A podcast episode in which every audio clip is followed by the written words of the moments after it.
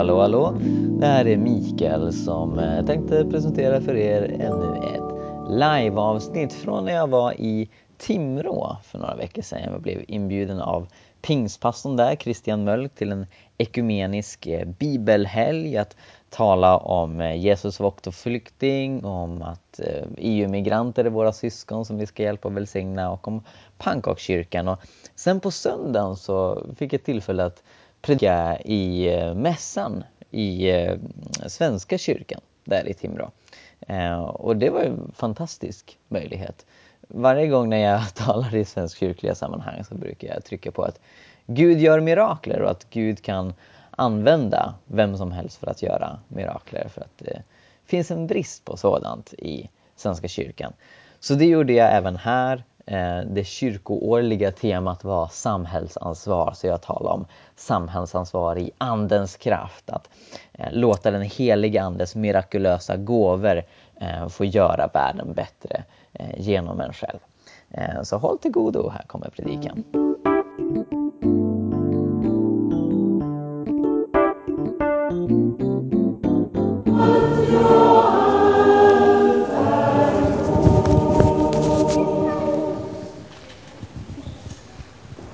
Svaret är Estland.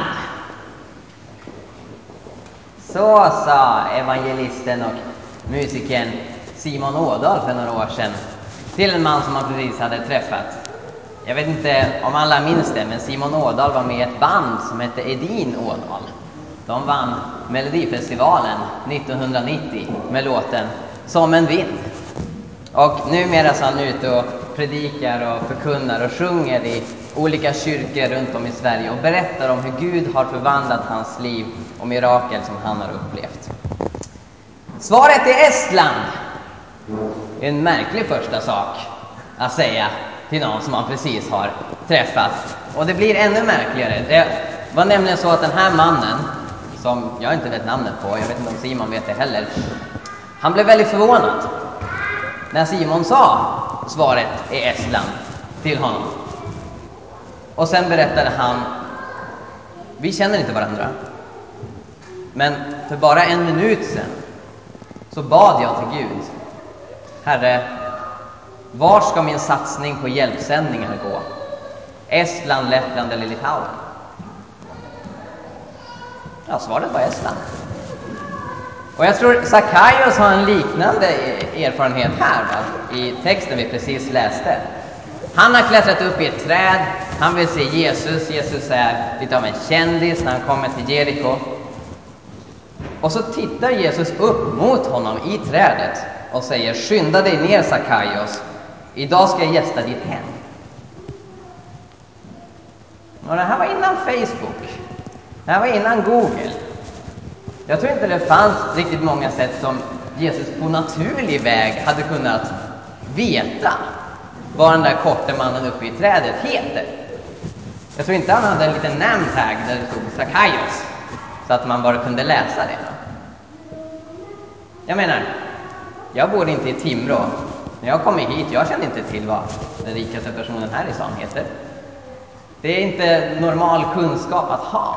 Och jag tror det är det som gör att Sakaios omedelbart har Jesu uppmaning på allvar. Det är inte bara att Jesus är en Justin Bieber som är lite känd och att det är lite coolt att äta middag med Jesus. Utan det som gör att Sakaios tar Jesus på så stort allvar att han, när den här måltiden är över, kan säga hälften av det jag, ger, eh, av det jag har ger jag åt de fattiga. Det är för att han inser att Jesus är Guds son. Och den kraft som han bär på är övernaturlig. När Jesus identifiera honom som Sakaios så delar han vad man ibland kallar för ett kunskapens ord. Han vet något på övernaturlig väg som man egentligen inte borde veta. Jag tror det är samma sak som sker i Johannes evangeliets första kapitel eh, med Natanael. När Jesus och Natanael möts för första gången så säger Jesus, här är en sann israelit, i honom finns inget svek. Och Natanael säger, hur, hur, känner du mig? Hur, hur, vet du, hur vet du vem jag är? Eh, Jesus säger, ja men jag såg dig under fikonträdet. Och för ett antal år sedan då tänkte jag att Jesus menade att han hade gått på promenad och liksom tittat på fikonträd och där, ja okej, där sitter en, en kille, ja men det var Natanael. Men jag tror att det som gör att Natanael då utbrister du är verkligen Messias, det är att Natanael då visste att det var ingen som såg honom under fikonträdet. Att han var ensam där. Och när Jesus säger att jag såg dig så berättar han att han är allseende och allvetande. Och att det är det som gör att Jesus verkligen är någon väl värd att lyssna på. Och det här är något som, som eh, vi lärjungar till Jesus kan få ta del av. Eh, Paulus säger att den, den främsta andliga nådegåvan är profetians gåva, att höra Guds röst. Eh, det är något som jag ofta ber om och det är något som, som jag har erfarit. För tre år sedan så åkte jag till Sydafrika. Jag gjorde eh, fältstudier i mina eh, freds och utvecklingsstudier. Och jag hamnade ute i en liten by som hette Block B. Den låg bredvid Block A. Eh, och där var det ett bröllop. Ett eh, hejdundrande bröllop. Åtta timmar tog det. Eh, samlades hundratals människor i en gympasal. Eh, och så var det en lång, lång, lång, lång gudstjänst. Eh, så när det hade gått några timmar blev jag lite trött. Eh, och de hade kommit till punkt fem på det 30-punktiga eh, schemat eller något sånt där. Så jag gick ut, eh, frågade om det fanns lite mat, en stor tallrik med fantastisk sydafrikansk vegetarisk mat som jag satt och smaskade på. Så kommer en man framför mig. Eh, och så eh, säger han hej och frågar vad jag heter, var jag kommer ifrån. Vi pratar lite grann. Och han blir väldigt exalterad när han hör att jag är från Sverige. Den här mannen hette David Sita han kallades för Prophet David i block B. Han var känd för att ha en stark profetisk gåva från Gud. Och han sa att nio månader tidigare så hade Gud visat honom en syn när han såg en ung vit man eh, sitta och äta utanför ett bröllop. Och Gud sa, den här mannen är från Sverige, honom ska du prata med. Det var därför han blev glad när jag sa att jag var från Sverige. Och vi hade ett fantastiskt samtal därefter där Prophet David delade vad, vad han tror att Gud har, har för mig. Nå som sagt, den här övernaturliga erfarenheten, det här dramatiska mötet med Jesus leder till en radikal förändring i Sakaios liv. En förändring som gör att han börjar ta samhällsansvar, att han bestämmer sig för att sluta vara rik dela med sig till de fattiga och att återbetala de som han hade lurat. Han medger att han har ägnat sig åt falskt spel. Och det kräver mycket för att medge att man har gjort något fel, att man har begått misstag. Nå, ibland har jag hört den här texten användas för att argumentera för att Sackaios egentligen inte är så generös. Vid ett annat tillfälle så säger Jesus till en rik ung man, sälj allt vad du äger och ge åt de fattiga. Och här kommer Sackaios med hälften. Det kan man tycka, det är ju bara hälften som bra. Kom igen Sackaios, lite mer kan du väl ge. Men jag tror inte vi ska vara alltför hårda mot Sackaios här, för att det han uttrycker här, det är allt annat än återhållsamhet. Han säger ju inte bara jag ger hälften till de fattiga och nöjer sig där som att han ska ha hälften för sig själv. Utan när han säger att jag ska betala fyrdubbelt till de som jag har lurat, då tror jag han uttrycker någonting. Nu har han bestämt sig att han, han ska leva enkelt, så enkelt som möjligt, för att han inte ska belasta sitt samvete och för att han ska se till att de fattiga får det som de behöver. Och det här är utmanande, eller hur? Sackaios har ett möte med Jesus och bestämmer sig för att vårt hem. Hur många möten med Jesus har vi haft? Hur mycket har vi gett bort? Hur mycket kan vi ge bort? Eh, Världsnaturfonden, eh, WWF, de har eh, räknat på hur mycket landyta den svenska livsstilen kräver. Och inte bara den svenska livsstilen, utan alla länders livsstilar. De har kommit fram till att om alla levde som svenskar, då skulle det inte räcka med ett jordklot längre. För den mat som vi äter, allt kött som vi äter, de kläder vi köper in, elektroniken, allting. Va? Det kräver naturresurser som täcker en väldigt stor yta. Som alla delade vår livsstil. Då skulle vi behöva kolonisera både Venus och Mars och Merkurius. 3,7 jordklot. Det går inte. Och det säger någonting om vikten av de bibliska texternas relevans i vår tid. Redan för 2000 år sedan så talar Paulus i Första Timoteusbrevet om förnöjsamhet. Har vi mat och kläder ska vi vara nöjda med det. Det sa han då. Vad skulle han säga idag? När han ser vår konsumtionism och hur mycket grejer vi plockar på oss. 20 procent av jordens befolkning konsumerar 80 procent av jordens resurser och många av oss här idag tillhör de 20 procenten. Det är så det ser ut. Jag tror att många av oss faktiskt skulle kunna klara av att ge bort hälften. Den stora utmaningen sitter här, i tanken. Och försöka anpassa sig efter en annorlunda livsstil. Ett av mina favoritbibelord är första Johannesbrevet 3, vers 17. Om någon har av denna världens tillgångar och ser sin broder lida nöd, men stänger sitt hjärta för honom, hur kan Guds kärlek förbli den personen? Guds kärlek driver oss att vara generösa, att dela med oss till de fattiga.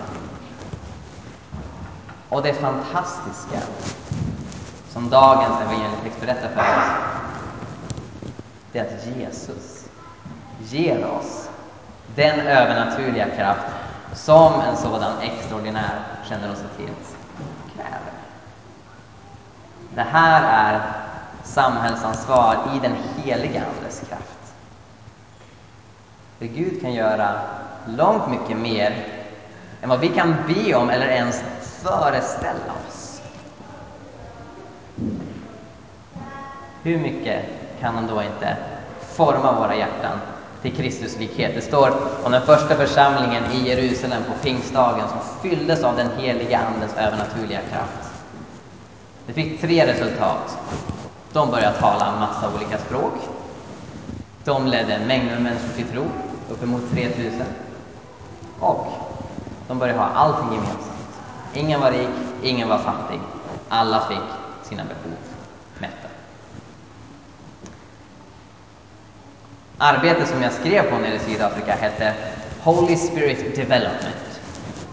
Och eh, den forskningsfråga som jag undersökte, som jag fick SIDA-stöd för, för att undersöka, det var hur påverkar tron på mirakler biståndsarbetet? I byn där jag bodde, eh, som inte var block B, där var jag bara på besök. Byn där jag bodde hette Backdoor, bakdörren. Stor avokadoodling, 80 procents arbetslöshet, väldigt mycket fattigdom, väldigt, väldigt stark tro på Gud. Jag skulle tro att minst 95 procent av befolkningen var pingstvänner. Och de, det var kyrkor överallt. Och det fanns en sån stark tro på Gud, därför att i den stora nöden som de levde i så räckte det inte med, med mänskliga löften. Det räckte inte med vad ANC sa. Det räckte inte med vad biståndsorganisationerna sa. Folk vände sig till Gud därför att de visste att Gud kan göra allt. Gud kan rädda mig från min situation oavsett hur mörkt de mänskliga och naturliga förhållandena ter sig. Och det var ett bergfast hopp som bar dem och som gjorde att de såg mirakler vid flera tillfällen. Som gjorde att många av dem kunde resa sig ur fattigdomen. Och tillsammans, med hjälp av församlingen, med hjälp av den heliga Ande, sprida Guds rike i den situationen. Den här texten avslutas med Jesu ord. Eh, Människosonen har kommit för att söka efter det som var förlorat och rädda det. Sackaios var en syndare. Hans rikedom hade byggts på grund av att han hade lurat människor. Och dessutom så stötte han den romerska ockupationsmakten, vilket inte var en särskilt trevlig ockupation. Men ingen människa är bortom det. Ingen människa är bortom den otroligt rika nåd som Jesus ger. Och kyrkan får aldrig någonsin glömma bort att i vårt samhällsansvar så ligger inte bara det socialt ansvarsfulla, det ekonomiskt ansvarsfulla, utan även det andligt ansvarsfulla i att presentera i respekt och ödmjukhet som Bibeln föreskriver de glada nyheterna om att Jesus ger evigt liv. Och vad vi än går igenom här på jorden så finns han med oss, bär oss, gör mirakler i våra liv och öppnar himlens portar. Där ingen sorg, ingen död och ingen plåga längre ska finnas. Det är den största gåva som finns. Och i så många år hade jag ingen aning om det. Mina föräldrar är präster, båda två. Jag gick till kyrkan hur mycket som helst som barn, men jag lyssnade inte. Jag satt och, och längtade mig bort. Längtade hem till Super Mario. Jag brydde mig inte om vad som sades i kyrkan. Jag tyckte det var tråkigt. Och när jag ser tillbaka på mitt liv så fattar jag inte hur kunde jag gå miste om det budskapet som, som förkunnades där. Men jag tror att mitt hjärta var stängt, det var låst. Men så, vid 15 års ålder, efter en tragedi i familjen eh, som gjorde att jag tänkte över min egen dödlighet, som gjorde att jag insåg att mitt liv är så bräckligt, det kan avslutas vilken sekund som helst och då kommer jag inte minnas någonting som har hänt. Eh, jag insåg tomheten i ateismen, tomheten i min övertygelse att, att det inte finns något liv efter döden, eh, hur allting blir meningslöst. Och när jag gick i de tankarna och tog mig till kyrkan, för jag skulle konfirmeras, jag var tvungen att få de där anteckningarna i, i boken. Då så lyssnade jag, för första gången. Trosbekännelsens ord. Vi tror på de dödas uppståndelse och ett evigt liv. Gör vi? tänkte jag. Det gjorde inte jag. Jag trodde att de döda låg kvar där i marken och sen var det slut. Men om det är sant, så är de bästa nyheterna som finns.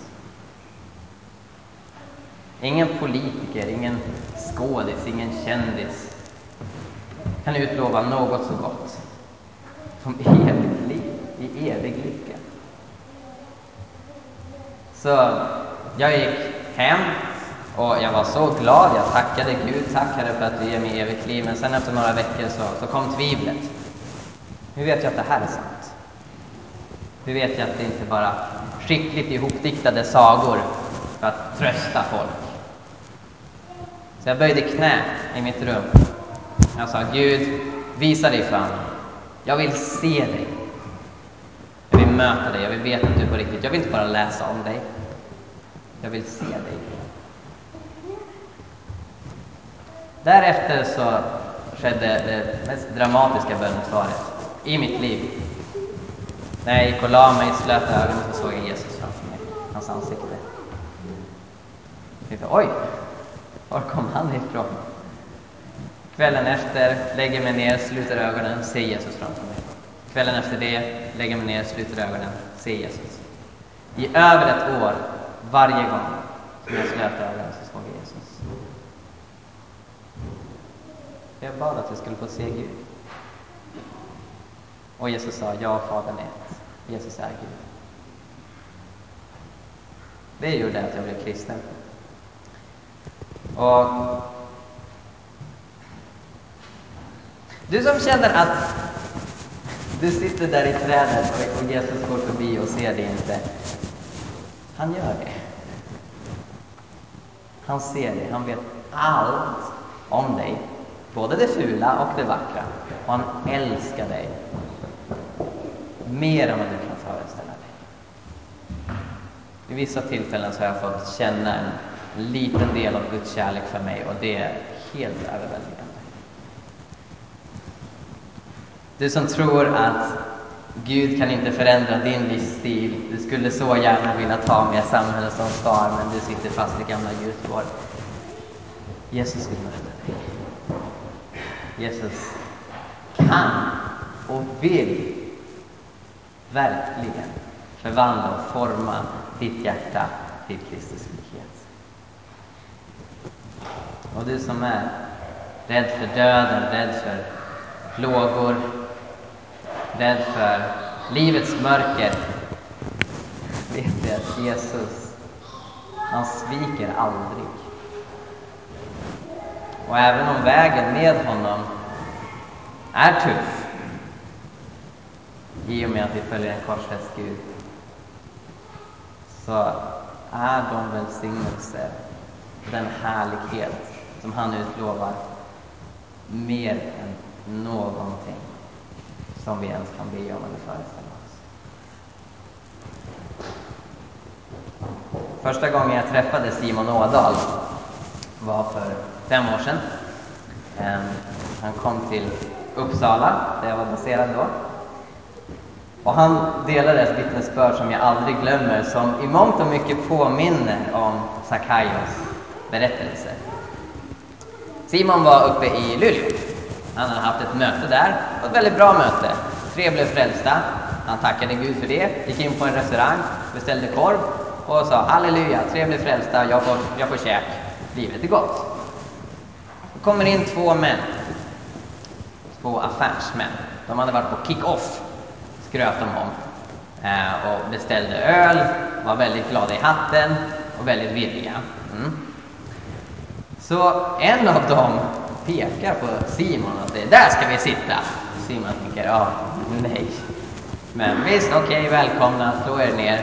Så de här affärsmännen sätter sig ner och så en av dem pekar på den andra skor och säger vad är det där för någonting? De där skorna var ju inne förra säsongen, de där är helt ute nu. Vad har du dem på dig? Och då känner Simon hur den helige Ande talar till honom. Så han vänder sig till den här mannen och säger du, för 15 år sedan så hände det här och det här och det här. Sen den dagen så gråter du på insidan och skrattar på utsidan och det är därför du säger sådär. Då blev affärsmännen förvånade.